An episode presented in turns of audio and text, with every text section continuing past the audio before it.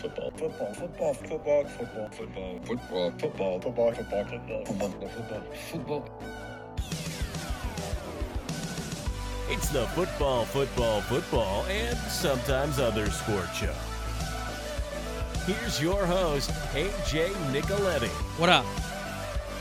FFFSOSS.com at FFFSOSS, Twitter, Instagram, Twitch.tv slash AJNick3. There was no Cowboy stream. I'm kind of glad there wasn't a Cowboy stream because I probably would have said some stuff I regretted.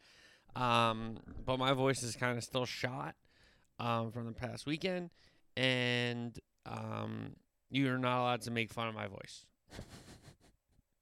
That's the rules. If you listen to this pod, you're obviously somewhat of a fan of me. So no negative meanness, nothing about my voice, which might go out halfway through this. So um, I'm going to try to, uh, you know, be as, uh, yes, normal as possible with my voice, but I don't know. I don't know. I've really been trying to save my words, you know, Sunday into Monday here as I record here Monday night um, for this Tuesday pod. And what a big Tuesday pod it is. We're going to have a look at week one's great endings and injuries in the kickoff. Then we'll do an NFL week one recap, college football week two recap. How many upsets in college football week two? Oh my goodness. Weekend soccer recap, sans the EPL because of um, the death of Your Majesty, the Queen Elizabeth, the Queen Mum in England, uh, the UK. So rest in peace, condolences um, to the royals over there. And people like, AJ, why do you care? I find it interesting. And I kind of like England. I like soccer. So, um, weekend soccer recap across the other leagues, I guess. Champions League match day two preview because we have Champions League match day two this Tuesday and Wednesday. And then finally, uh, or not finally, pick six recap, Star Pool Locks recap. Not great. Um, hand up. Got a little ahead of myself um, with the pick six, especially. And I kind of threw out games that I thought were too close to what I thought would have happened last year, like Baltimore and the Jets. I was like, ah, Baltimore's going to kill them, but I'll stay away because who knows?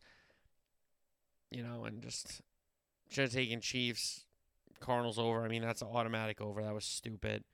And then, I mean, the under I had knocked, like locked in. The first and third quarter, there were three points scored between the two quarters. and the other quarters, it was a shootout, whatever.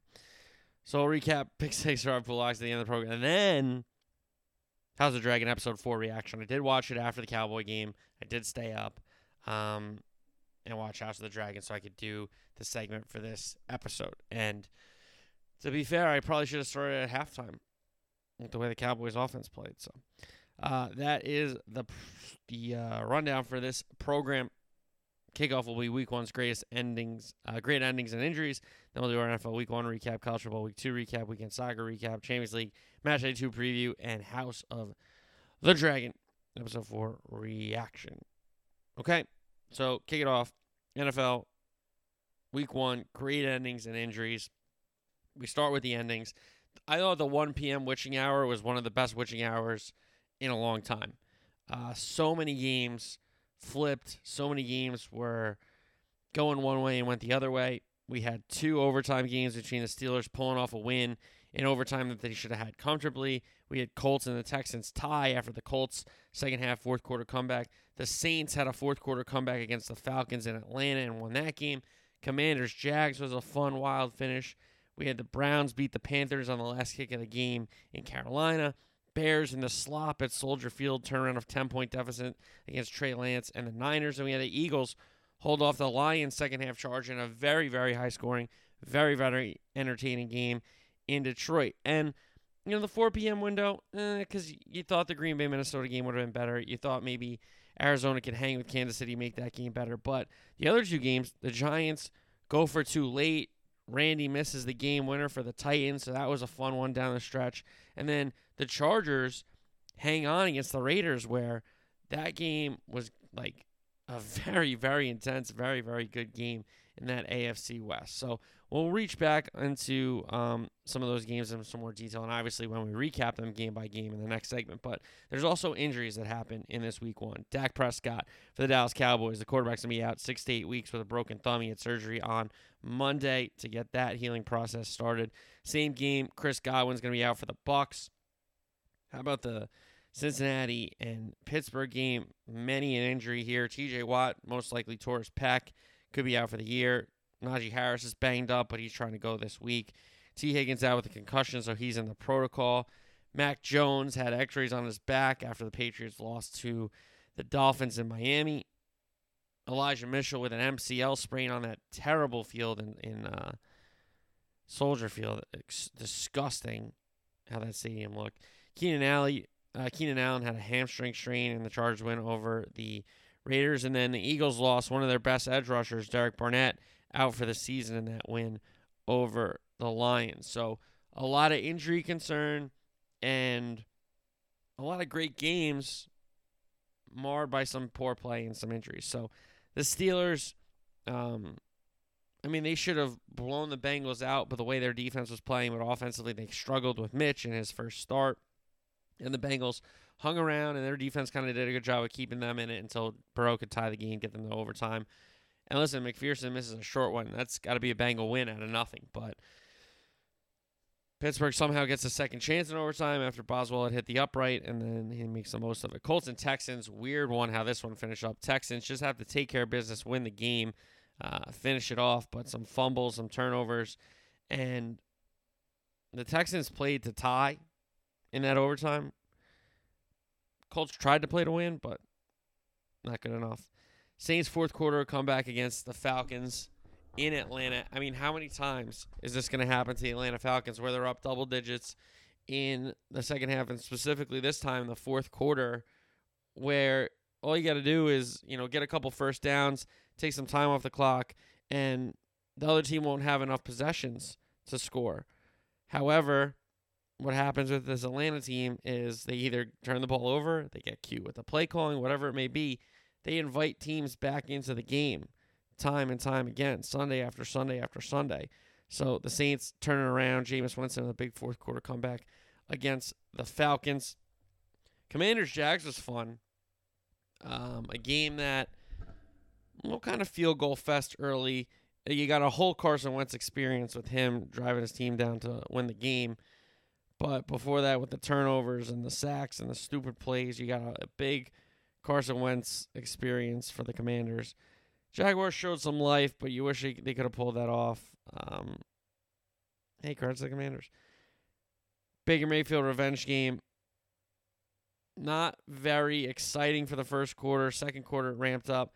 Not very exciting. Third quarter, fourth quarter it ramped up, and a hell of an ending with Bake leading his team down the field after trailing in the fourth quarter to give them a lead. Only for Jacoby Brissett and the Browns to get into field goal range and have their kicker make the game winner. The Bears and the Niners. The Niners, I mean, that was just very, very poor. Very, very, very poor. Um, and they should be very disappointed with themselves. But hey, credit to the Bears. Hung in there. Yeah, it was a 10 point game at one, uh, you know, before the Bears really got going. But still,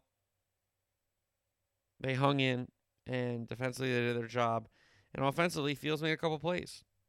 And that's a bad loss for the Niners, for sure.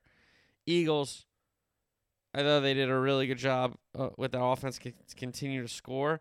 But I would be a little concerned about that defense. I know Detroit has weapons and St. Brown and the two backs are really, really good. And Hawkins is a good tight end. Goff played pretty good, uh, besides some turnovers. But a little concerning for that Eagle defense, but Hurts looked pretty good. We know how good that run game is when they're in rhythm, when they're in, um, when they're ahead of the chains, and they're able to, you know, disguise the pass as runs and give the defense some looks besides just Jalen Hurts and shotgun knowing you're going to throw the ball. So, uh, big win there for the Eagles to get their season started in the right direction. And again, credit to the Lions. They did what they normally do under Dan Campbell, which is fight their tails off fight their absolute tails off. Then the 4 p.m. games. The two out of four here with the Giants, you know, another game where it's 13 nothing and the Giants wake up with the Barkley uh, long run and then he punches it in to get them on the board. I'll tell you what, for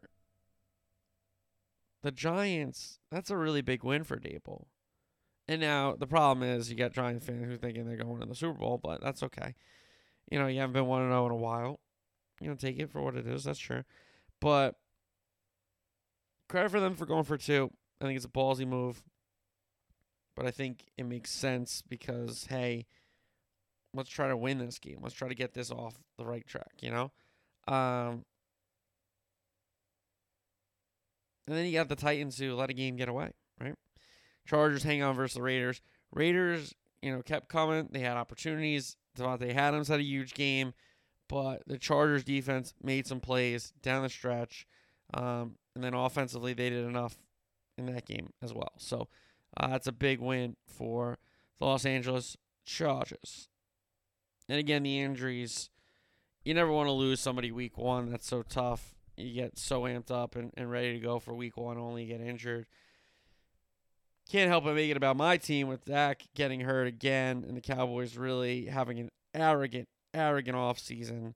Uh, trading away Amari Cooper, let uh, trading away La'el Collins, you know, drafting some guys they're not really signing anyone important when it came to big skill position players or, you know, guys on the offense or defensive line that were they were replacing. But it's gonna be interesting to see what these Cowboys do, because I don't like where they're at after one week. That's for sure. It's gonna they got a great defense. They're gonna waste them. So, plenty of injuries. Some guys already out for the season, which is very very unfortunate. We lost some guys in the preseason, obviously as well, which sucks. But um, to get to week one and then your season end is just that's just really really bad luck for sure for sure. All right, NFL Week One recap. We got started with the champs the Rams in their building welcoming in the Buffalo Bills on Thursday night. Bills take it to the Rams 31 10. Allen Davis TD got the Bills started. Bills were then driving again, but Allen gets picked off. Bills get it back, but Cook fumbles. And, you know, the Rams were hanging in there despite getting yards given up, right? Uh, Stafford was picked. He gave it right back. Allen to Davis and Diggs for first downs. Then the drive ends in a pass field goal. So the Bills up 10 nothing. Stafford to Allen Robinson. That was his only catch of the game. So that's not great for Allen Robinson supporters. And then he hits Cooper Kupp for the touchdown. So that's the Stafford to Cooper Kupp first connection of the season. Bills up 10 7. Allen was picked off. Rams were driving, but a Stafford sack kills the momentum. It ends in a Gay field goal that tied the game 10 10. Singletary had a couple good runs to start the uh, second half there. Allen and McKenzie touchdown on the trick play, 17-10. Then uh, Allen and Davis for a big play. Allen touchdown run himself. He stuck the ball over the plane. That was pretty cool. 24-10 Buffalo at that point. Stafford picked off again. Allen and Diggs, huge TD. Bills up 31-10. Stafford picked off for a third time. This one on a tip ball. Moss fumbled it back eventually, but the Rams got it back way too late. Turned it over on fourth and – 14 at the Bills 16. So that was the Thursday night win for the Buffalo Bills out in Los Angeles. Take us to Sunday now. Philly and Detroit. Eagles win it 38 15. Swift, a huge run, set up a Williams touchdown run of his own. So the backs got it started early for Detroit. Lions led 7 0. Eagles turned it over on downs. They had fourth and five at the Detroit 40. Uh, they get it back. A long Eagles drive. Fourth and goal. They go for it. Hurts walk in touchdown tied at seven. Another strong Eagle drive on the ground ends in Miles Sanders touchdown, his first touchdown in two seasons. So welcome to the end zone, Miles Sanders. Goff picks six and Philly led 21 7, but the Lions do not quit. We know that. Goff to Reynolds, big play. Goff to St. Brown, touchdown, back within seven. Hurts to AJ Brown, who had a big, big first half for the Eagles, sets up first and goal drive ends in an Elliott field goal, 24 14. Um, then another Eagle touchdown after some Sanders good runs. Gainwell punched it in 31 14. Swift good run. Goff to Hockenson. Goff to St. Brown. Now you connect again for the touchdown. So the lead cut to 10, 31 21. Lions onside kick, but the Eagles have a short field after they recover it. Ends in a Boston Scott touchdown. Lions come right back. Goff to St. Brown, big play. Goff to Swift, first down. Williams, another touchdown. Back to a 10 point deficit. Lions get the ball back. Um, ends in a Goff to Shark TD that made it 38-35. They kick it deep, which they onside kick earlier in the game. They kicked this one deep. I was like, okay, I guess so. But a Hurts sneak clinches the game for the Eagles. So Eagles off to a 1 0 start. Indy and Houston, this one finished 2020 after uh, an overtime. Ryan and Michael Pittman for a first down. That drive ends in a Blankenship field goal. Colts get it back. Ryan leads the Colts down the field, but they end up turning it over on downs, fourth and goal. Bad play calling by Frank Reich and aggressive for really no reason, to be fair. Um, Texans drive it from all the way under their goalpost into field goal range. Fairbairn ties the game 3 3. Uh, Ryan had a big play to Pittman, but then he gets picked off later on the drive. DPI, a big gainer for the Texans. Mills to Howard, touchdown. Houston led 10 3. Texans get it back. Mills to Cooks, flea flicker, but the drive stalls for another Fairbairn field goal, so they were up 10 13 3. Bad snap. Matt Ryan fumbles it. Texans recover. Mills to Moore, first down, tack on a roughing call. Mills to OJ Howard again in the end zone. 20 to 3. Houston led. Ryan then slinging it all over the field. Fourth and goal. Colts line up to go for it, but they get a false start, so they have to keep the Blankenship field goal to get the points. 20 to 6 at this point. Davis Mills was on strip sack. Short field for the Colts. That ended in a Taylor touchdown, so back within one score, seven point game. Colts get it back. Taylor, a couple big runs. Ryan, a Pittman touchdown. We're tied at 20. We go to overtime. Colts drive it. You think, okay, here you go. Go win the game after that second half comeback, but Blankenship misses the field goal. Texans end up taking up some of the clock, but punt. Colts can't score with the two plays and the little clock that they had left in the overtime. So both teams start their season with a tie in the AFC South there in that matchup. Houston and Indy. Then we had Cleveland, Carolina. Cleveland wins at 26 24. Browns turnover on downs, fourth and three at the Carolina 36. Pretty aggressive from Stefanski, but Baker was picked off. Defensive pass interference set up first and goal at the one for the Browns. Brissett to Hunt touchdown. Browns led 7 0. Uh, Brissett then had another couple of good completions. Chubb a good run, set up another Kareem Hunt touchdown. This one on the ground. Browns led 14 0. Then Bake got it going a little bit. He hits DJ Moore for a first down. He hits Thomas for 50, and then McCaffrey knocks it in for his first touchdown of the season. Cleveland lead down to 14 to 7. Brissett to Hunt. York field goal ends the half 17 7.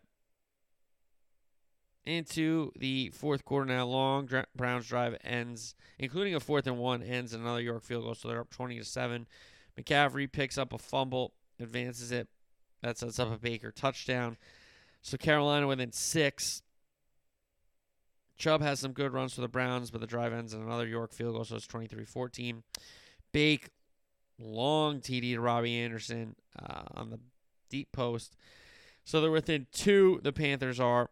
They get it back. Bake to McCaffrey, tack on a horse collar, drive stalls in the red zone, but the Panthers end up taking the lead on the Piñeiro field goal, which made it Carolina 24 23. 113 left for Brissett and company, who get their drive started with a roughing the passer call. Brissett to Peoples Jones. Then he hits Cooper for completions. York field goal gave Cleveland a 26 24 lead with eight seconds left. All they had to do was survive the eight seconds. They do. And the Browns get their first win without Deshaun Watson of the season down in Carolina against their former number one overall pick, Baker Mayfield. San Francisco, Chicago up next. Chicago wins at 19 10 in the slop at Soldier Field. Trey Lance to Aiyuk, big play into the Bears' end, but then Deebo Samuel fumbled in the red zone. Fields was picked off in the middle of the field. Lance McCloud for 20. Mitchell, a good run. That set up Deebo's redemption. He gets into the end zone on the ground. San Francisco up 7 0. Bears then drove it. They were lined up for a field goal to get on the board, but they got a 15 yard penalty for trying to wipe the field off where the spot would be, and the plant would go down for the kicker. So that knocked him out of field goal range. Um, Niners get it back. Lance Jenkins, big play. Drive stalls there for a Robbie Gould field goal. So the Niners up 10 nothing. Then we had the Bears comeback. Broken play, roll out. Pettis wide open on the near side. Fields throws it from the far hash all the way to the near side. and Pettis does the rest. It's kind of a pseudo punt return with a ton of space and just a few guys to miss. Brown uh, Bears on the board 10-7 Niners. Bears get back. Fields a Pringle first down. Fields design run. He got drilled after sliding, so tack on 15. Then he hits Equanimeous St. Brown for a touchdown. Uh, Santos missed the extra point, so 13-10. Chicago. Lance was picked off on a slant by Eddie Jackson, who made a big play there. Bears set up after the pick, ends in a Herbert touchdown, another missed extra point, so they could have put him away. 19-10 at this point, but the Niners did nothing on offense as the weather got worse and worse and worse. They turned over on downs, failing to convert a fourth and eight. Then they failed to convert a fourth and nine, and that was all she wrote. Bears 1 and 0. Jacksonville, Washington. Commanders win it 28 22. Jags got going early on, but their drive ended in a Patterson field goal, took a 3 0 lead. Wentz was slinging, though. He hits uh, Samuel for a touchdown. Commanders driving again. He hits Dotson out of Penn State for a touchdown. So up 14 3. Jags driving, but they turned over on downs. They couldn't get it in on a fourth and goal. Curtis Samuels fumbles. Jags drive it. They get a goal to go. However, uh, they get backed up, and then Patterson's field goal attempt goes off the upright. They get it back, however, the Jags do. Lawrence to Kirk, big play. Lawrence to Robinson, touchdown, two point play fails, so Washington led 14 9. Jags get it back, another Patterson field goal, so the lead cut to 14 12. Wentz got picked off. Short field ends in a Patterson field goal. You guessed it. This one gave Jacksonville a 15 14 lead. Wentz picked off again, one play later. Jason, Ro- uh, Jason Robinson, James Robinson touchdown. Jacksonville 22 14, just like that. But here comes the Commanders. Wentz to Thomas first down. Wentz to McLaurin touchdown. Two point play fails, so the Jags have their two point lead. Wentz and the Commanders get it back. He leads them down the field. Wentz to Dotson touchdown. Two point play good. They go up six, and then Trevor Lawrence picked off to seal the win for the Commanders. I will call them the football team at one point by accident, but I did a good job there calling them the Commanders. AFC showdown in Miami. We knew that Belichick took his team down to South Florida from New England to get acclimated to the humidity. However, didn't really do much because Miami ends up winning it 20 to 7. Pats were driving, but Mac Jones gets picked in the end zone early on. To it, it's Tyreek Hill for a first down. Drive ends in a Sanders field goal. So Miami on the board, 3 0. Uh, New England then deep in their own end, drop back to pass. Mac Jones does strip sacked. Ingram perfect bounce to him, picks it up, walks it into the end zone. Miami up 10 0. Uh, two at a hill, first down, two at a hill again, great catch. And then fourth and seven, they go for it. Two at a Jaylen Waddle skinny post, and Waddle runs away from everybody else. Miami up 17 0. Pats get on the board finally. They're driving. They go for it on fourth and one, and illegal contact continues to drive. Jones to Montgomery out of the backfield. He rolls into the end zone. He was untouched. So they're back in the game. The Pats are down 10, but Miami comes back with a Sanders field goal after two uh, hits Tyreek Hill for a first down. That connection was working, and then he drops it off to Mostert for another first down. Again, that drive ends in a Sanders field goal, 27. Pats turn over on downs. They had fourth and three at the 50. Jones to Agholor. He fumbles. So Miami gets their season off to a good start. Pittsburgh, Cincinnati. Pittsburgh wins it in Cincinnati in overtime, 23 to 20. Burrow was picked on his first attempt of the season. Not only was a pick, it was a Minkah Fitzpatrick pick six. Steelers up seven nothing. Uh, Burrow to Higgins, big play gets him into the field goal range. McPherson gets the Bengals on the board. Burrow then got strip sacked for his second turnover. Short field led to a Boswell field goal, so Pittsburgh up seven again. Burrow picked the second time. DPI gets the Steelers a first uh, fresh goal to go. Mitch to Najee Harris touchdown. Steelers up 17 to 3. Burrow picked a third time, a fourth turnover. Bengals get it back, leads to a McPherson field goal, so they're down 17 6. Good Bengals drive. Burrow to Boyd, touchdown. They get the two point play. They're only down three now. All of a sudden, with all these turnovers and all this poor play, they're only down three. 17 14 Steelers. Steelers once again get into field goal range. Not a bad drive by Mitch. Boswell makes the field goal. They're up six. Burrow picked again on fourth down this for a fourth interception. a fifth Joe Burrow turnover. But they get it back. Burrow gets the Bengals down the field. He throws it to Ja'Marr Chase. The ball crosses the plane. He gets his feet in, but they don't challenge it. Uh, they end up turning it over on downs on a goal to go situation, but they're lucky enough to get it back. Burrow, Chase, touchdown. Extra point for the win gets blocked. And now we're going overtime. Bengals right down the field into field goal range. Easy for McPherson, right? He's made a lot of game winners in his rookie year. Year two, carry that in from last season, but he misses the 29 yard field goal that would have won them the game in a game they should have not even be in. So here come the Steelers. A long field goal for Boswell from 55 for the win. Goes off the upright, so the Bengals have life. But unfortunately, they have to give it back. Steelers get it back. Boswell for the win. Nails it. Steelers 23 to 20 in a big one in that AFC North. Speaking the AFC North, Ravens went up to MetLife to take on the Jets. Ravens win it 24 to 9. Flacco picked early, short field for the Ravens after a punt. Um, ends in a Tucker field goal. Baltimore 3 0. Jets drive it, but Greg Leg misses a field goal. DPI and the Jets. Gives the Ravens some movement on this drive, and then he hits Duvernay. Lamar does over the top. Touchdown, Baltimore. Jets driving this time. Greg the Leg makes the field goal, so 10 3. They're on the board. Ravens take over in Jets territory after another bad punt. Lamar to Duvernay. Touchdown, 17 3. Then he hits Bateman on another deep ball, so they're up 24 to 3. Flacco to Breece Hall. He fumbles. Jets eventually turn it over on downs. They had fourth and six at the Baltimore six. Lamar picked late in this game. It was over. It didn't matter. Flacco to Conklin touchdown, two point play, no good. That's how it got to 24 to nine. Baltimore at the end of that one. Saints Falcons in Atlanta. Saints win at 27-26. A great fourth quarter comeback for the New Orleans Saints after the Sean Payton and Drew Brees era has officially come to an end with Sean Payton now leaving. Um, retiring, I guess. Falcons end up scoring first. They drive it for a long Younghoe Koo field goal. He makes it 3 0. Uh, Taysom Hill getting some snaps in that uh, Wildcat package. A long run, takes the play off, then comes back in and runs it into the end zone. So the Saints into Pater first in this one. Mariota then to Zaccheaus in stride, but he fumbles short field for the Saints, but Lutz misses the field goal off the upright. Cordell Patterson had some good runs. That drive leads to a Cordell Patterson touchdown. So Atlanta back in front 10 7.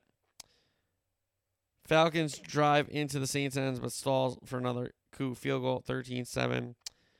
Mariota, big play to London, sets up another Koo field goal, so it's 16 7 Falcons. That ends the half. Saints get into the Falcons end. Lutz makes this one, so it's a six point game. DPI for the Falcons sets up goal to go. Mariota gets into the end zone. Atlanta up 23 to 10. Melvin Ingram fumbles. Mariota fumbles it right back. Falcons, however, get it back, but they can't punch it in in a goal to go situation. Young Koo field goal again, 26 10. Jameis to Jarvis Landry, big play. Jameis to Michael Thomas, touchdown. They get the two, 26 18. Then they get it back. Jameis to Thomas a couple times for a first down. Then they connect again for their second touchdown of the game. This time the two point play fails for the tie, so they're down two. Guess what? They got it back again. Jameis Landry, big play, sets up Lutz field goal to for the lead, makes it 27-26. Now all the Saints have to do is get a stop, tackle the Falcons inbounds. Don't do anything stupid. Koo has a big leg indoors. He's made some game winners before. And they did something stupid. Marcus Lattimore, a dumb penalty, unsportsmanlike conduct, 15 yards, gets them into Koo range. It's long range, but it's nonetheless Koo range from 63 in the win. It gets blocked. So the Saints, fourth quarter comeback, they escape Atlanta with a win. What a game. Four o'clocks, Kansas City and Arizona. KC wins at 44 21. Kansas City went right down the field. Who needs Tyreek Hill? Mahomes to Kelce for his first of five touchdown passes on the night, 7 0. Even quicker, Kansas City drive the second time. Mahomes, Edwards Helaire on the shovel pass, creative design from Andy Reid and Bieniemy and the offensive staff. 14 nothing. Cardinals did answer though. Murray to Conner, first down, drive ends and a Conner touchdown. So back to a one score game. But Mahomes completes a Harmon tack on an unnecessary roughness penalty. Mahomes to Edwards Helaire. They miss the extra point. Reid does after Butker was injured and Reid was doing the kickoffs, the safety. That was pretty cool. He was kicking him out of the end zone, by the way, which was sick. Uh, but they missed extra point here. 20 to 7, Chiefs. Chiefs get it back. Mahomes to Juju, but he fumbles. Cardinals end up turning it over on downs. They had fourth and two at the Kansas City 34 and could not convert. Short field for Kansas City ends in a Butker field goal, 23 7. Mahomes completions to Kelce and Moore. Mahomes to Fortson, one of the tight ends. Back of the end zone, touchdown, Kansas City, 30 7. Mahomes to Kelce, first down. DPI sets up goal to go. Mahomes to Mecole Hardman. Kansas City touchdown. They're up 37 to 7. Fourth and goal, Murray to Marquise Brown. They get the two point play. So Arizona on the board again. 37 15. Pacheco, the rookie out of Rutgers, gets himself his first touchdown. 44 15. Then a short field for the Cardinals after a good kickoff return. Murray to Ertz. Uh, went for two, didn't get it. So that is how that one ended 44 21. An impressive, impressive night from Patrick Mahomes and that Kansas City offense.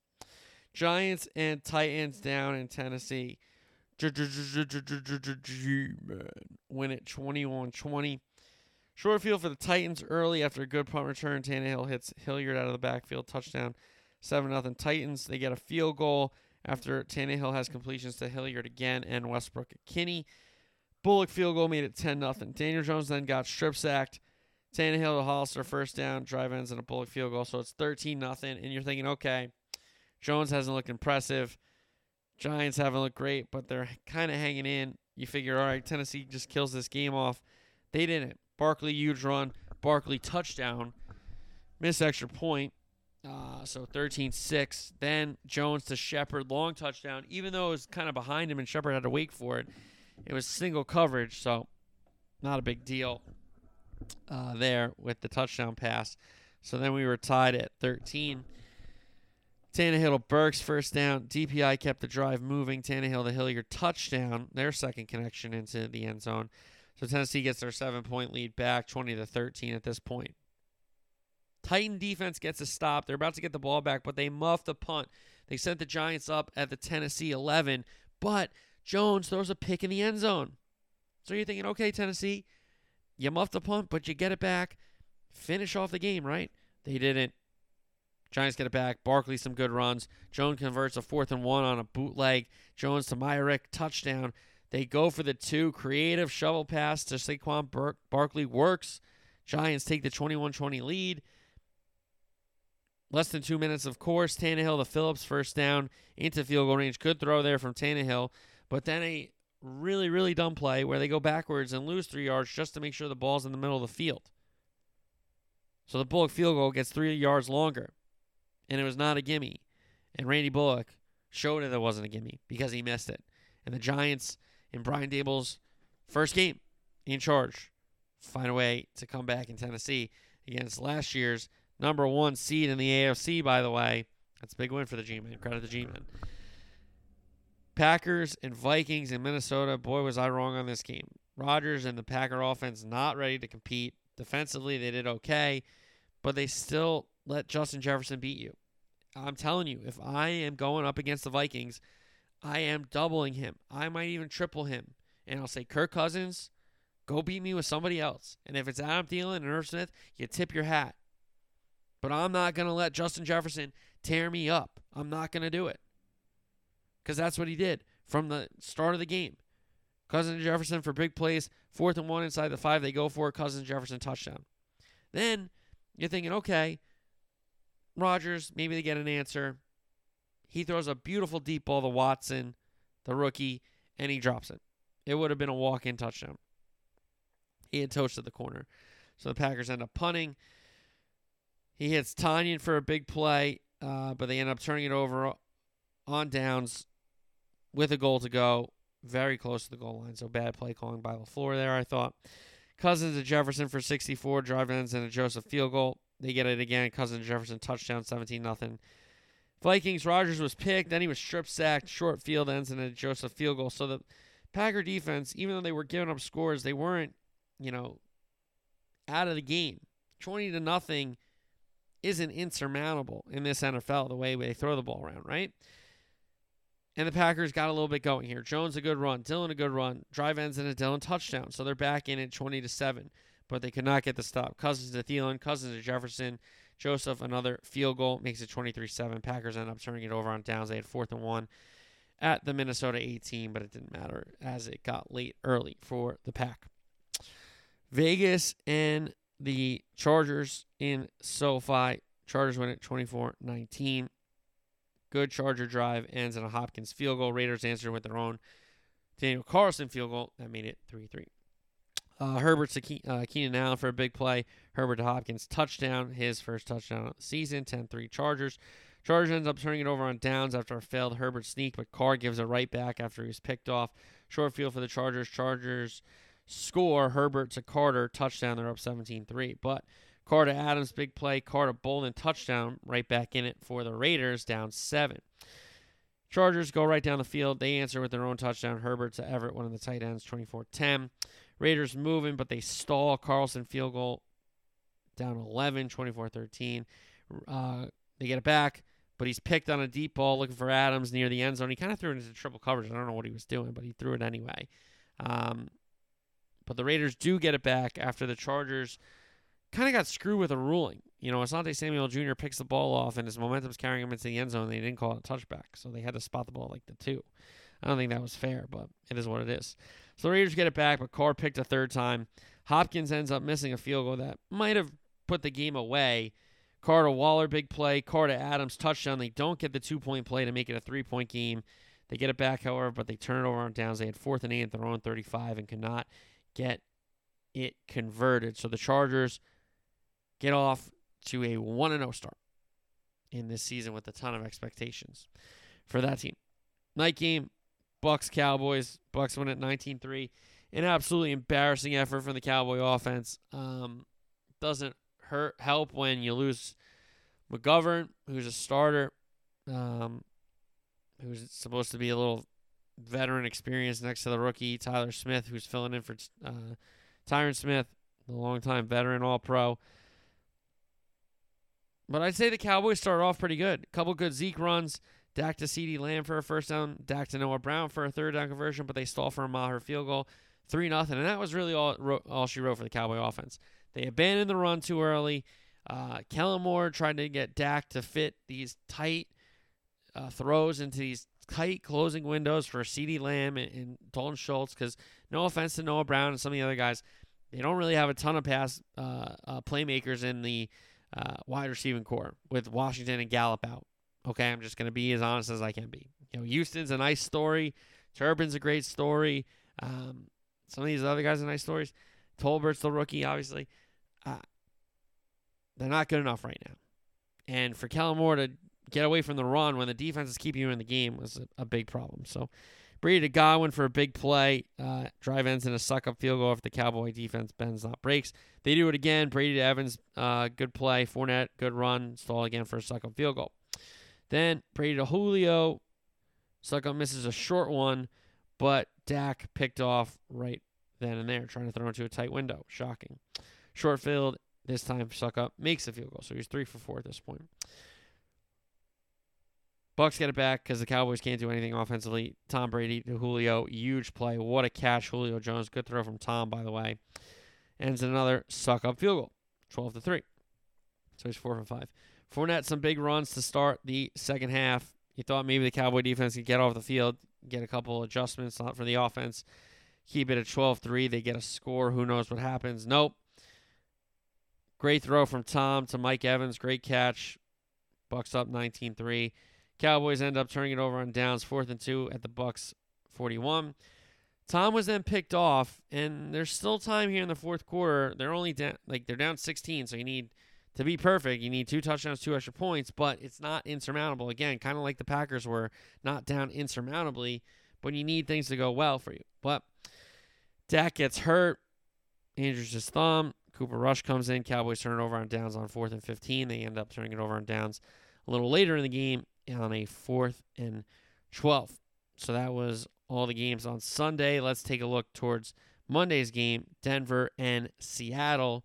Out in Seattle, Russell Wilson returning to where he played his first 10 years as a Seahawk in the National Football League. But it was those Seahawks who win it 17 16. A pretty wild Monday night game, to be fair. Buck and Aikman's ESPN debut from regular season. So, anyway, we get started.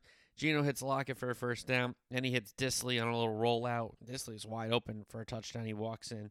7 nothing. Seahawks. Broncos answer. Wilson a back twice uh, for first downs, and the drive stalls for a McManus field goal. So the Broncos on the board. They trailed 7 3 at this point. DPI gets the next Seahawks drive started. Uh, Geno to Fant, first down, tack on an unnecessary roughness. Penny a good run, but they have fourth and one at the Broncos seven. They end up turning it over on downs. Um, Seahawks get it back. Taunting call keeps their drive going. Holding backs them up, but they still settle for a Myers field goal and get some points that way. Seahawks up 10 to 3. Uh, Wilson then showed maybe one of the things we'll see a lot, which was a deep ball for Jerry Jeudy. Jeudy catches it, touchdown, tied at 10. But the Seahawks answer Geno Godwin and Parkinson for completions. Then he hits Parkinson for the touchdown, seven point lead restored for the Seahawks. Wilson and Sutton a big play. Wilson takes a sack to make McManus' field goal a little longer, but he makes it anyway. That ends the half. So Seattle up 17 13 at the break. Broncos ball to start the third quarter. Wilson and Sutton, good game.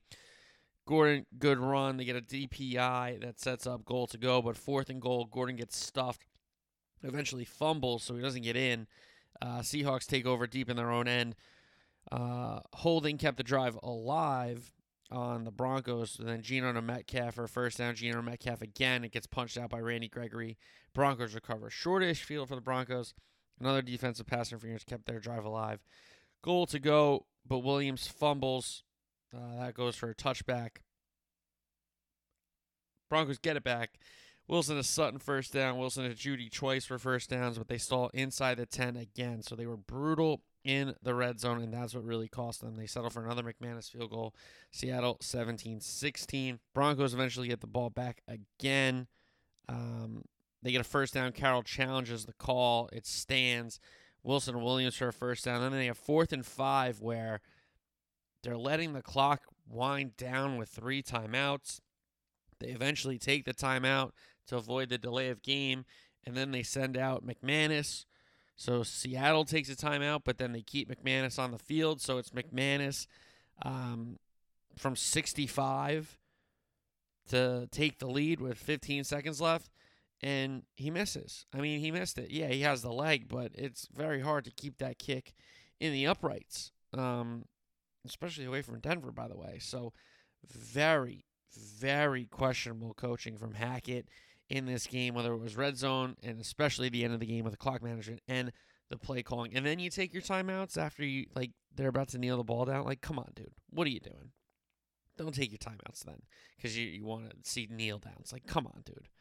So that's a really, really bad loss for Denver. They did not play well, um, but they still had opportunities to get leads and at least take leads and have opportunities to win a football game on the road that you didn't have your A plus game.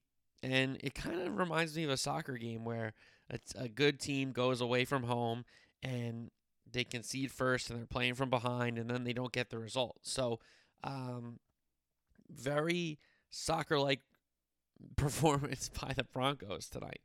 They had or Monday night, sorry. They had um a little behind the scenes there, obviously. I'm not recording this Tuesday morning.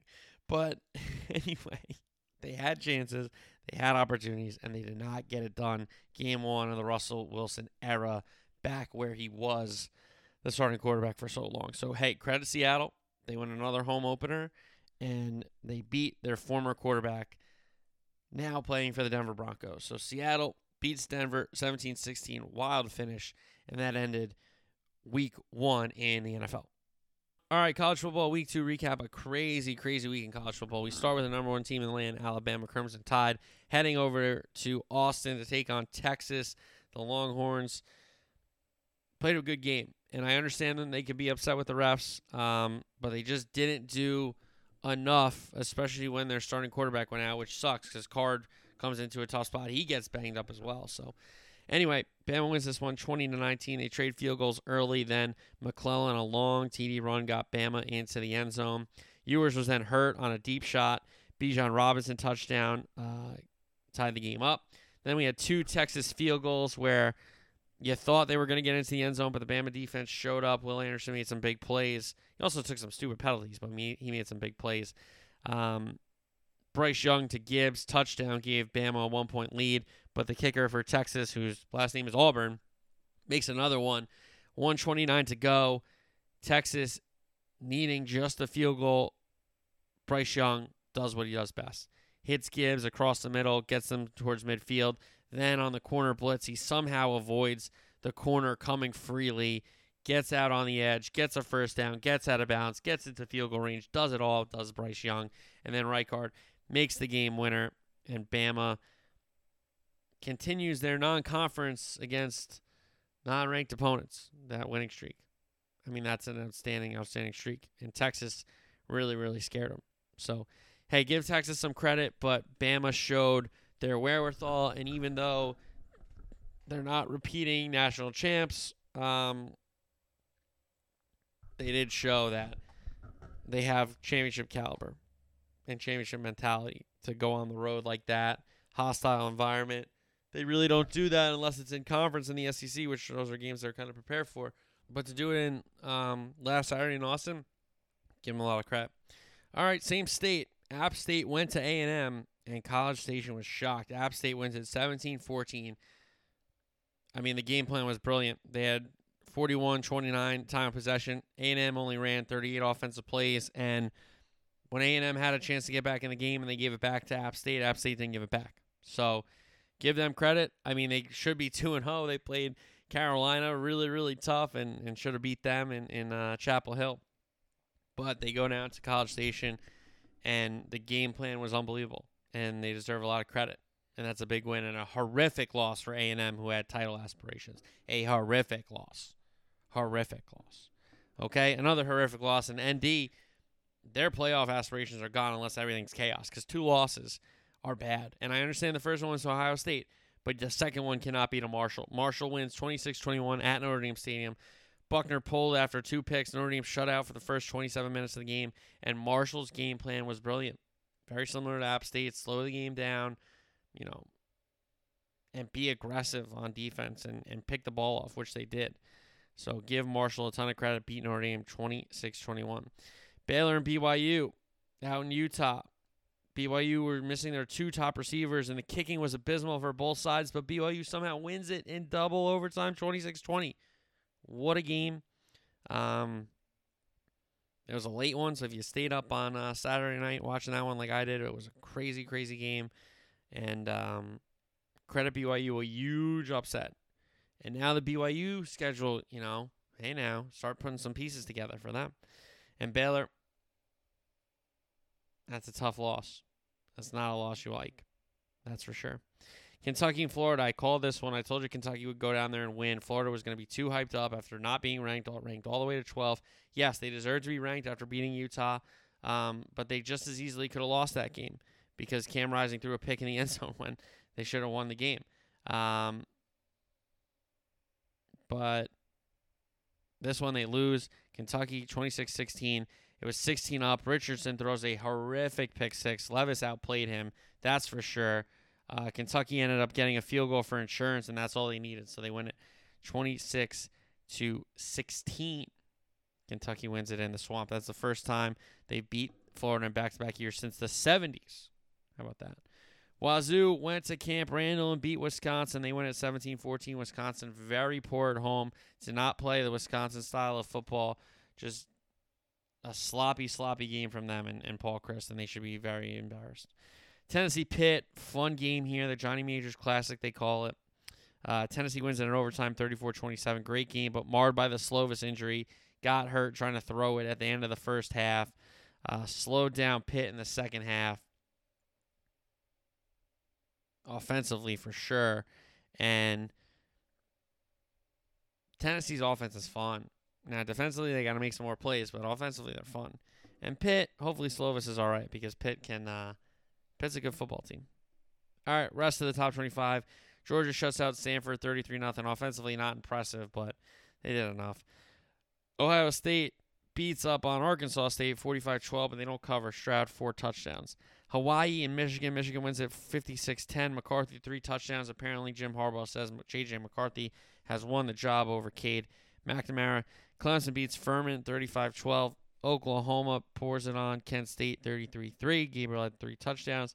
USC hammers Stanford. Uh, this score is Ben is um, it looks different than it should because Stanford had 14 points in garbage time. Of course, Shaw coaching them up like so annoying with uh, never never quit, but my team stinks and we punt the ball from the opposing 40. Anyway, uh, USC wins at 41-28. It was 41-14. Caleb Williams four touchdowns in the route. Oklahoma State beats Arizona State 34-17. Utah got some frustrations after that swamp loss. They beat Southern Utah 73-7. Michigan State shuts out Akron 52 0 Berger had three rushing touchdowns. Take it over for Kenneth Walker. Miami beats Southern Miss 30 7. Arkansas holds off South Carolina. They kept them at arm's length and then they put them away in the fourth quarter. That's a good win for Arkansas because that could have been a nice win for South Carolina. So Arkansas wins at 44 30. NC State they bounced back after they struggled against ECU. They beat Charleston Southern 55 to 3. Leary had four touchdown passes in the win. Central Arkansas and Ole Miss. Ole Miss wins at 59 to 3. Dart two touchdowns. Wake and Vandy. Wake wins at 45-25. Vandy was actually up 3 nothing, and then Wake on. Hartman four touchdowns in the win. Houston, Texas Tech. How about the Red Raiders out of Lubbock? A big win for Tech. They win at 33-30 over the ranked Houston Cougars. Crazy week in college football. All right, weekend soccer recap. Starting the EPL, but the EPL obviously postponed for the Queen's passing. Uh, rest in peace to the Queen. Mum. Some games already postponed this weekend, including Chelsea and Liverpool at Stamford Bridge uh, because of the lack of the police force due to them being at the funeral processions and all that stuff. Speaking of Chelsea, who sacked Thomas Tuchel, they moved on quickly. They moved and grabbed Graham Potter from Brighton. And I heard a lot of people you know, and I mentioned it last week about Graham Potter. No, he won't leave Brighton. He's built something there. He wants to win there and all. Listen, Champions League and more money means more than building your thing. I'm sorry. I, I get that Brighton people can be upset, but he even said it in his little like notice, his little letter, wherever he did his statement. He really hopes that people can understand this opportunity for him and they should, and hopefully they do. Now, um, you look at Thomas Tuchel, who says a really nice message and some tweets. He thought he'd be at Chelsea for a really long time. It was one of the best clubs he ever worked at, and it's interesting how he kind of takes the high road when it comes to that. But then you have uh, Todd Boehly and the Chelsea kind of board and all these people leaking the fact that they tried to meet with Boehly. They tried to get you know input and all this kind of stuff and create dialogues, and he wanted nothing to do with it. So, all right, La Liga. Barcelona beat Cadiz 4 0. De Jong, Lewandowski, Fati, and Dembele all scoring for Barcelona. Atletico, Celta Vigo, Atletico win at 4 1. Correa, Rodrigo de Paul, Carrasco amongst the goal scorers for Athletic. Real Madrid beat Mallorca 4 1. Valverde, Vinicius Jr., Rodrigo, and Rudiger, his first goal for Real Madrid. Serie A, Napoli, Spezia Calcio. Napoli win it 1 0. Inter and Turin. Inter 1 0. Brozovic is the goal scorer there. Sampdoria, AC Milan, Milan win it 2 1. Messias and Giroud, the goal scorers. Rafael Leao sent off with um, two, uh, two yellows. That's what they're called. Juventus and Salernitana Calcio 2 2 this finish. Bremer got a goal for Juventus, and then Bonucci got the stoppage time equalizer, and then it really set off. Uh, red card for Calcio, two for Juventus. Milik and Cuadrado both sent off in stoppage time. Monday action, Jose Mourinho's Roma beat Empoli 2 1. Dybala and Abraham scoring for the special one. Bundesliga action, Munich and Stuttgart. That one finished 2 2. Uh, Tel, the youngster, up front, scoring, and Musiala also scoring. So some of the youngsters getting some games there for Bayern. uh, in between two Champions League match days. Rebel Leipzig and Dortmund.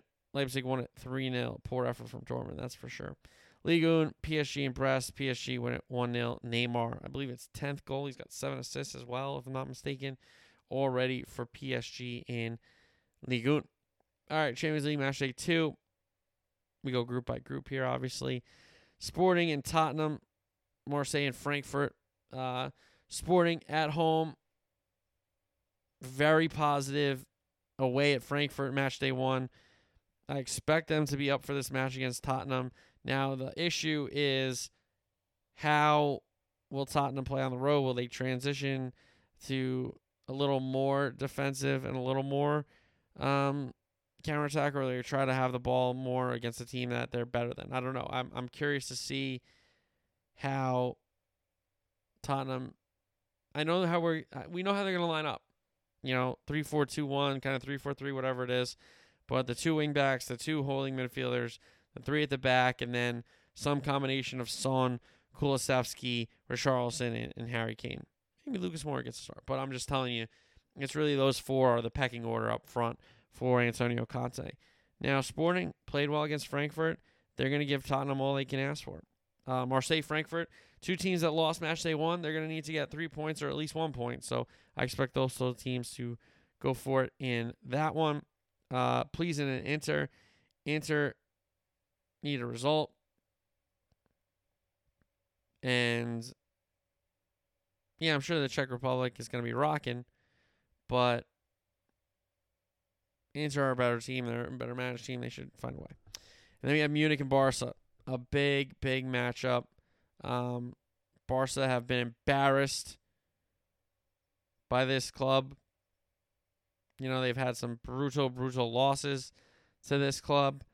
And now the Lewandowski going there is a different dynamic. Um, you also have the fact that these two teams probably don't really like each other, and it's the group of death.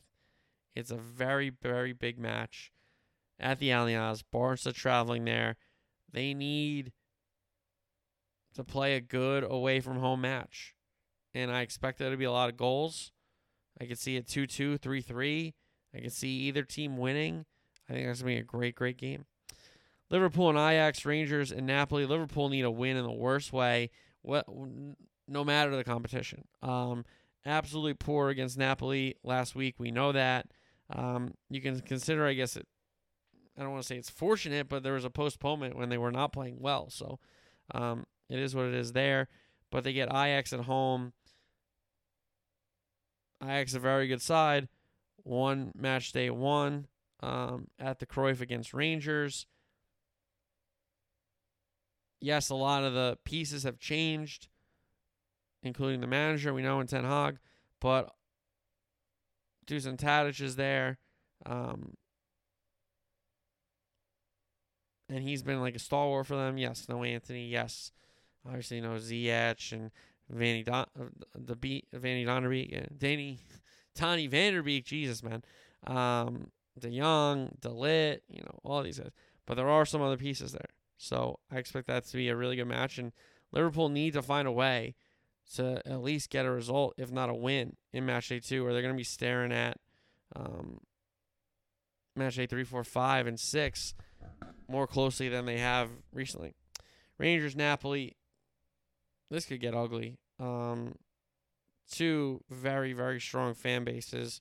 Um, I wouldn't expect to see. Uh, well, I'm expecting to see a lot of um, not great videos that come out of Glasgow, right? That's where they are. Are they in Aberdeen? I think they're in Glasgow. Um. So yeah, I think Napoli wins the game, but it's gonna be weird. Uh, Leverkusen, Atletico, Porto, Brugge. Atletico, um, what a match they won it was against Porto. Those sides really don't like each other. We know that. Now, Leverkusen need to find a way at home because they lost the Brugge match they won.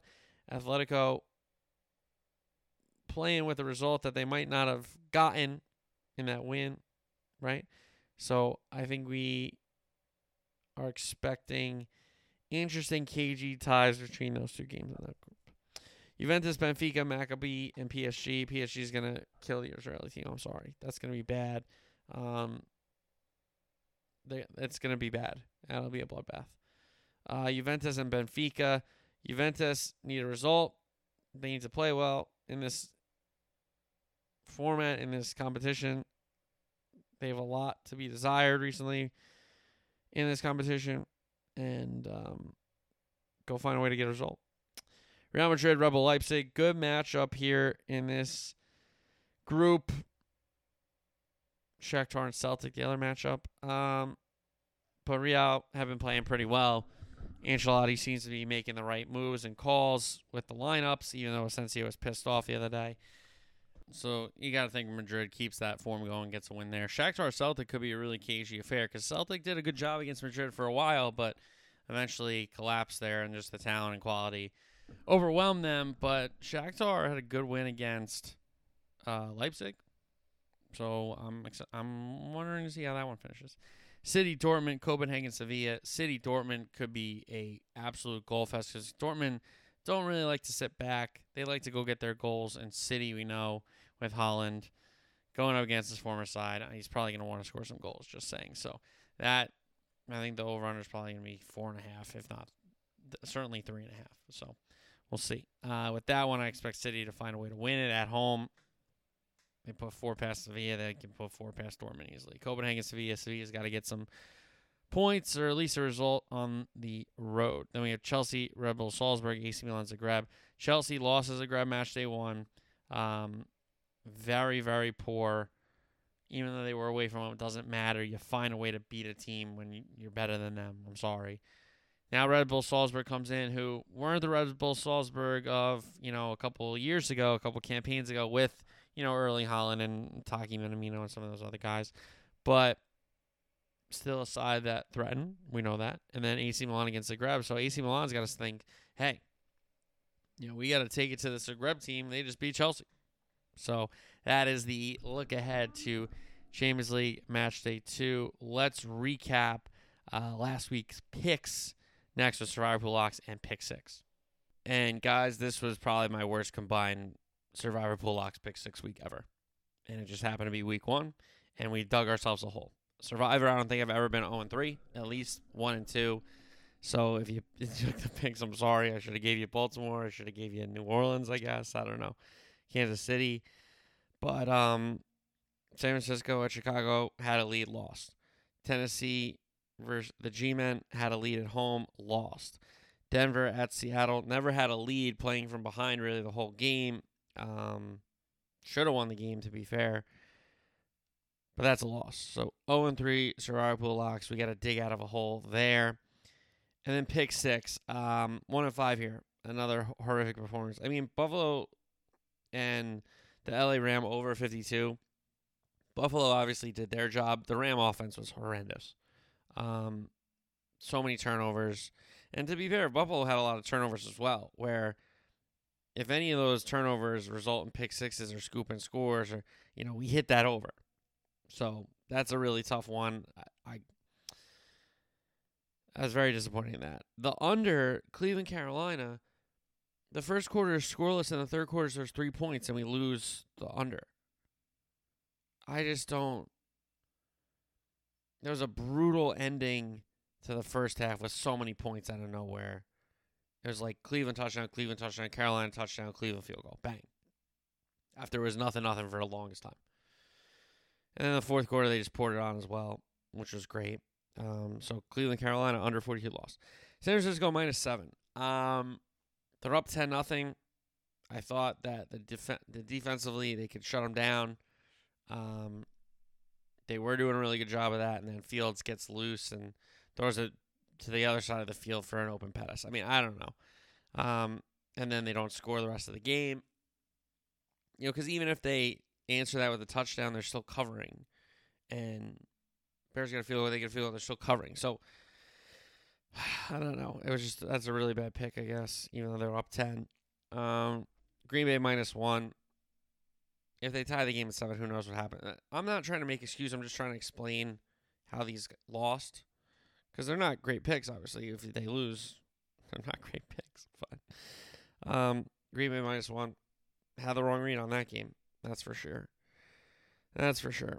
Uh, Chargers minus three. Actually a winner. Wow. Chargers minus three versus Vegas. Honestly, 0 6 and 0 3 and Survivor would have been hilarious. 0 6 and pick 6, 0 3 Survivor would have been hilarious and very, very difficult to do. But we somehow get a win in there. Chargers minus three. And then the Cowboys plus three versus Tampa. They scored three points. Um, so that listen, the Buffalo LA over. I I I still feel like we were on the right side. The Cleveland Carolina under. I still feel like we were on the right side. I guess Green Bay we were never the right side. Chargers we win. Cowboys were never the right side. And Niners for a lot of the game, I was like, okay, here we go. You know, now we get another score and, and put these guys away, get up like seventeen nothing, and we're fine. Then we're two scores away, you know. But didn't happen that way. And Sharp who locks is off to an 0 3 start, and Pick Six is off to a 1 5 start. So we'll hit the lab. We'll get better for Thursday's show. That I promise you. Okay, sports done for right now. Now we talk House of Dragon episode 4. So if you are watching the show and you've not seen episode 4, stop the podcast. If you're going to watch the show um, and you don't want to hear anything, stop the podcast. If you aren't watching the show, or if you are watching the show, keep on listening because I love this kind of stuff, and I would love to hear some of your guys' takes about some of the things that are happening in the season.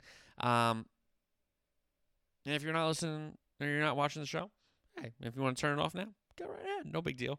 But for those people that are watching the show and don't want to be spoiled, those people that have not are watching the show but not watching currently, whatever it is, don't want to be spoiled. Now's the time to shut the pot off Spoilers, spoilers, spoilers, spoilers, spoilers, spoilers, spoilers, spoilers, spoilers. All right. Of Dragon episode four. Some time has passed again since episode uh, three to episode four because right away we see Alicent isn't pregnant. And we start with Bachelorette Rhaenyra on her tour. We believe she's in the Stormlands because um, the Baratheon Lord who swore fealty to her earlier is to her right while she's on the chair. Sir Christian Cole, her sworn protector, is to her left. And there's a line of suitors and an audience here just cracking jokes. So, first we have a guy who's pretty old. She makes the comment, How long ago was this thing you're talking about? He said, Oh, about a half century ago. And it's like, Well, you're kind of old for me. So, next. Then we have a kid who's a Blackwood. The heckler is a Bracken. So if you know your Westeros history, these two families don't really like each other. They're big rivals. So I'm glad they little threw this in there. And then um, the kid makes a good case, but he says that he can protect her, and the the heckler says, "I she is a dragon, you dumb sea bomb." So that was really funny. Uh, which Rhaenyra even laughed, but she was like, "Okay, this is done. I've had enough of this. This is insane. We're out of here." Just as they're leaving, Blackwood draws his sword because the Bracken made another comment, and as Rhaenyra and Sir Christian and the Lord Baratheon, Baratheon are leaving, Camera cuts back, and we see the Blackwood cut this guy, the Bracken, in his guts. Good night, the lights, the little kid, uh, with a big victory for the Blackwoods there. So that was cool. Anyway, they're back on the ship. Uh, Daemon flies in, knocks everybody kind of down because he's in, he's just a jerk. He just is a jerk. Um, so Rhaenyra sees that Daemon's flying in on Caraxes. He's back at the Red Keep. He walks in. Uh, Viserys has the cord, he has his sword, he has his crown, and all this kind of stuff in the throne room. And he kneels before the king. He says, I'm the king of the narrow sea, but I know there's only one true king, and that is my brother, Viserys. So he kneels to him. He's welcomed back by his brother, and they kind of walk out of the throne room as brothers and not just like king and subject kind of a thing. So now they're having this little uh, like I don't know if it's a feast, but it's kind of like a picnic. Thing. I don't know. It's a it's a it's a it's a, a gathering, I guess you could say, a celebration that Daemon is back in good graces, and Queen Alicent, you know, trying to you know be nice and try to get Daemon back in the good graces, says, "Hey, there's some new tapestries. Would um, Prince Daemon want to see the new tapestries?" and you know, Viserys kind of laughs at his wife here in this spot and kind of embarrasses her and, and, you know, makes fun of her in front of his brother. And Rhaenyra feels bad for her former friend, her friend, and she says, I'd like to go see the tapestries. Well, you can, don't uh, deprive yourself, daughter. You know, that's what the king says. So, um, they kind of walk off, and Alicent and Rhaenyra kind of get closer to making up until Rhaenyra kind of cuts Alicent by a comment that I don't think she meant to refer to Alicent personally, but what she said related to Alicent, which was like sitting in a tower and, and making babies all the time.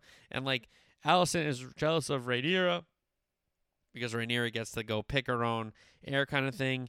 And Rhaenyra wants to be queen that Alicent is right now, but she doesn't want to do some of the things that Alicent did. So it's a big, so it's kind of like a jealous of jealous thing, all that kind of stuff. But they kind of do make up. So anyway, after this, we get a Daemon and Rhaenyra scene at the weirwood, talking about you know the idea of marriage being political and how men that are married can go to the brothel still and get with these women, but a woman married can't go out and get with men and all that stuff. So it's a double standard. She's talking about she doesn't like it.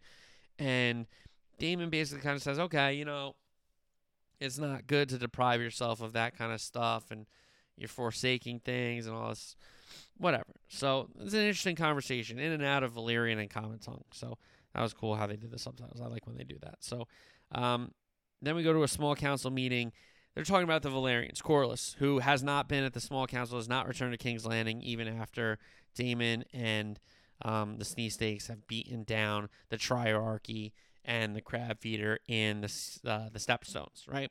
So the Velaryons, it seems like Laena, who was offered to King Viserys, and said he took Alicent in episode two, as we know. Um,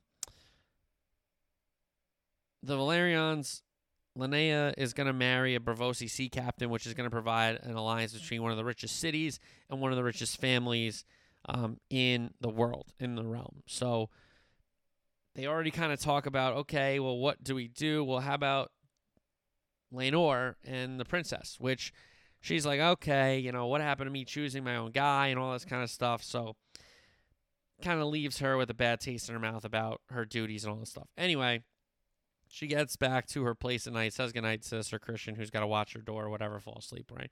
Um, but she notices a map and a, a bag with clothes, and it's a map throughout the Red Keep from her room past the dragon skull of Balerion, the Black Dead, um, Dread, sorry, and she meets up with Daemon and Daemon sneaks her around to kind of like flea bottom in the taverns and the brothels. And as this is going on, we cut back and forth between this scene and the Red Keep where Viserys and Alicent, the people are taking care of Viserys, but Alicent has a better touch, a softer touch as the queen, and she tells everybody to get out of there. And then she kind of, um, what does she do? She kind of just softly scrubs the king and his and his his issues with his with his skin and all these lesions and stuff that are gross. So anyway, um, those two scenes are kind of playing back and forth. Okay, so we have that nice scene. Then we cut back to the uncle and the niece. They see a show about the throne, and the people still think Rhaenyra's is dreams, uh, the realm's the light, but they don't want her to be queen. That's obvious. So it's three suitors, I guess, for the throne: Daemon, Rhaenyra, and Aegon, the baby of three. So that's where we're at with the play. And she kind of sees how people perceive her. And this whole episode is about perception because of what happens next is perception and the truth.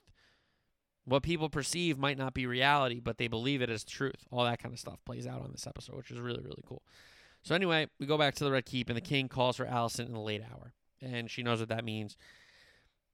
This this guy's gonna get on top of her. Anyway, so as that's happening, we cut back to the the pair exploring the brothel, going deeper into the brothel, and this is Daemon and Rhaenyra now.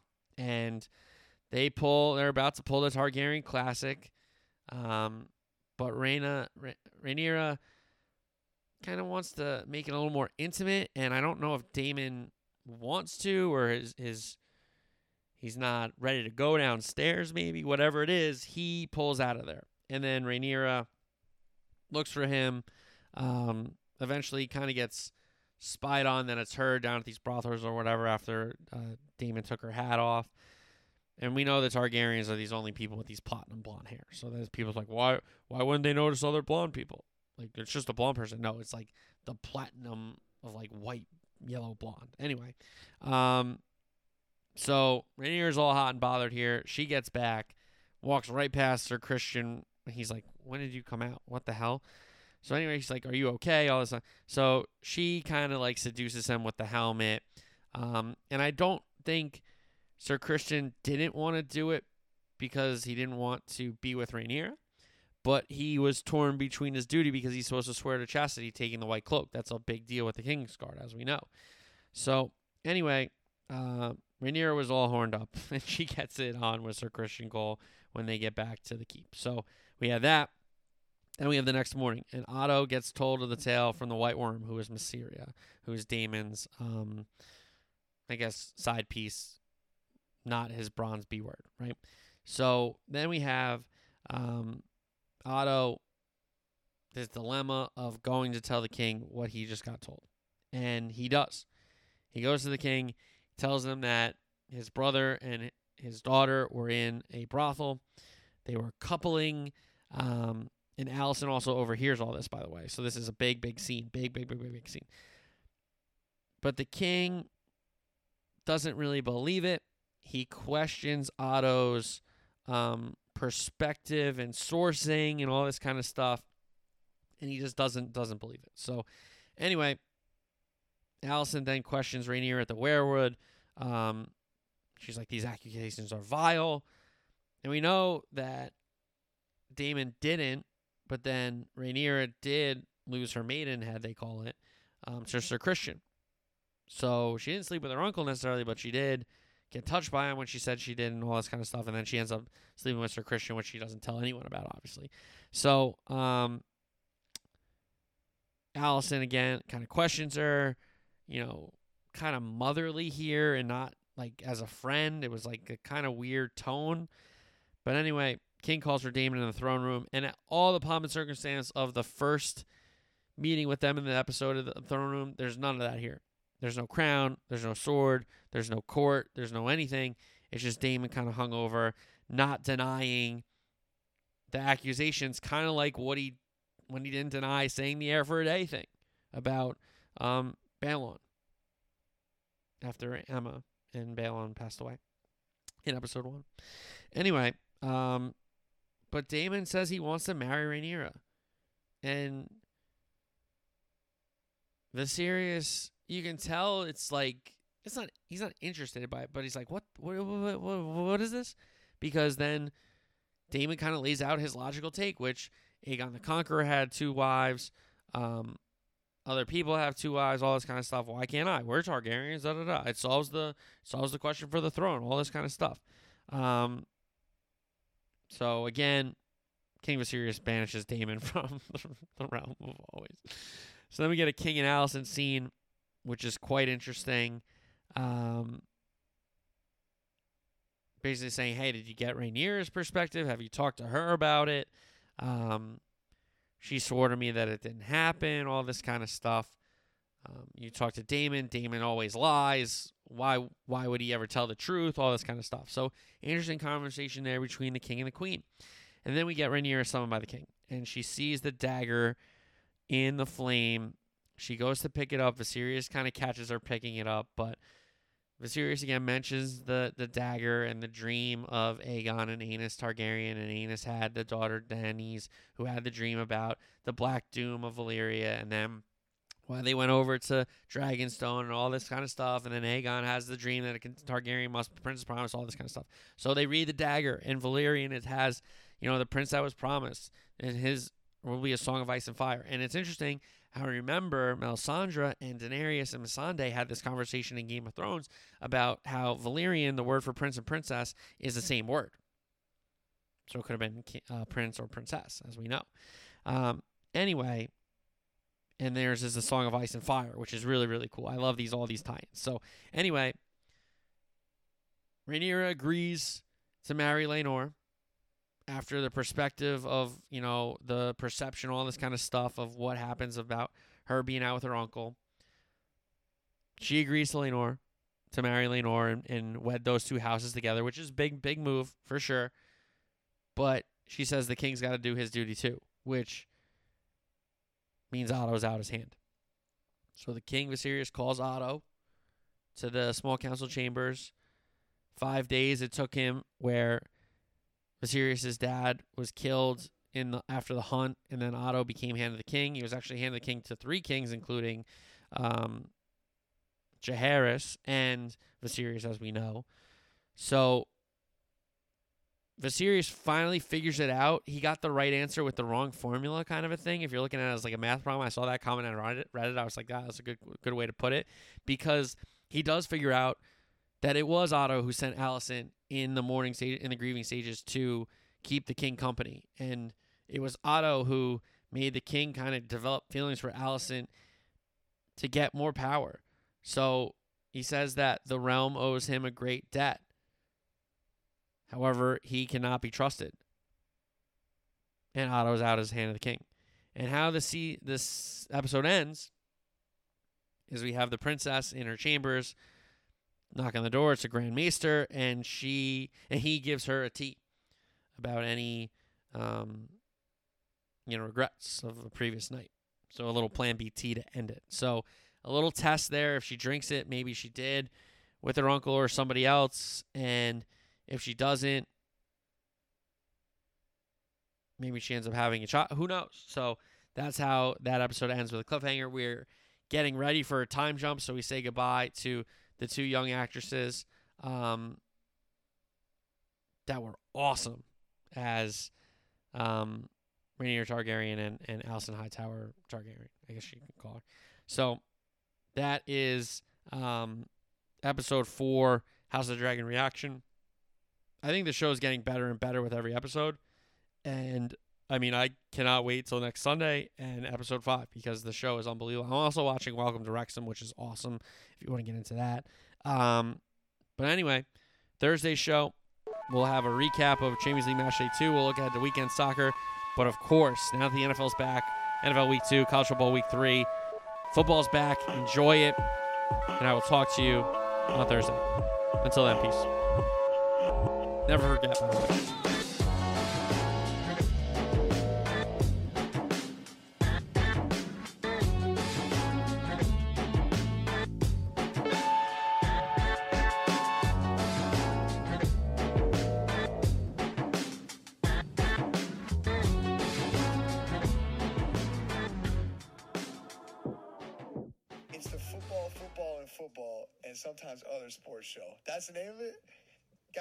podcast.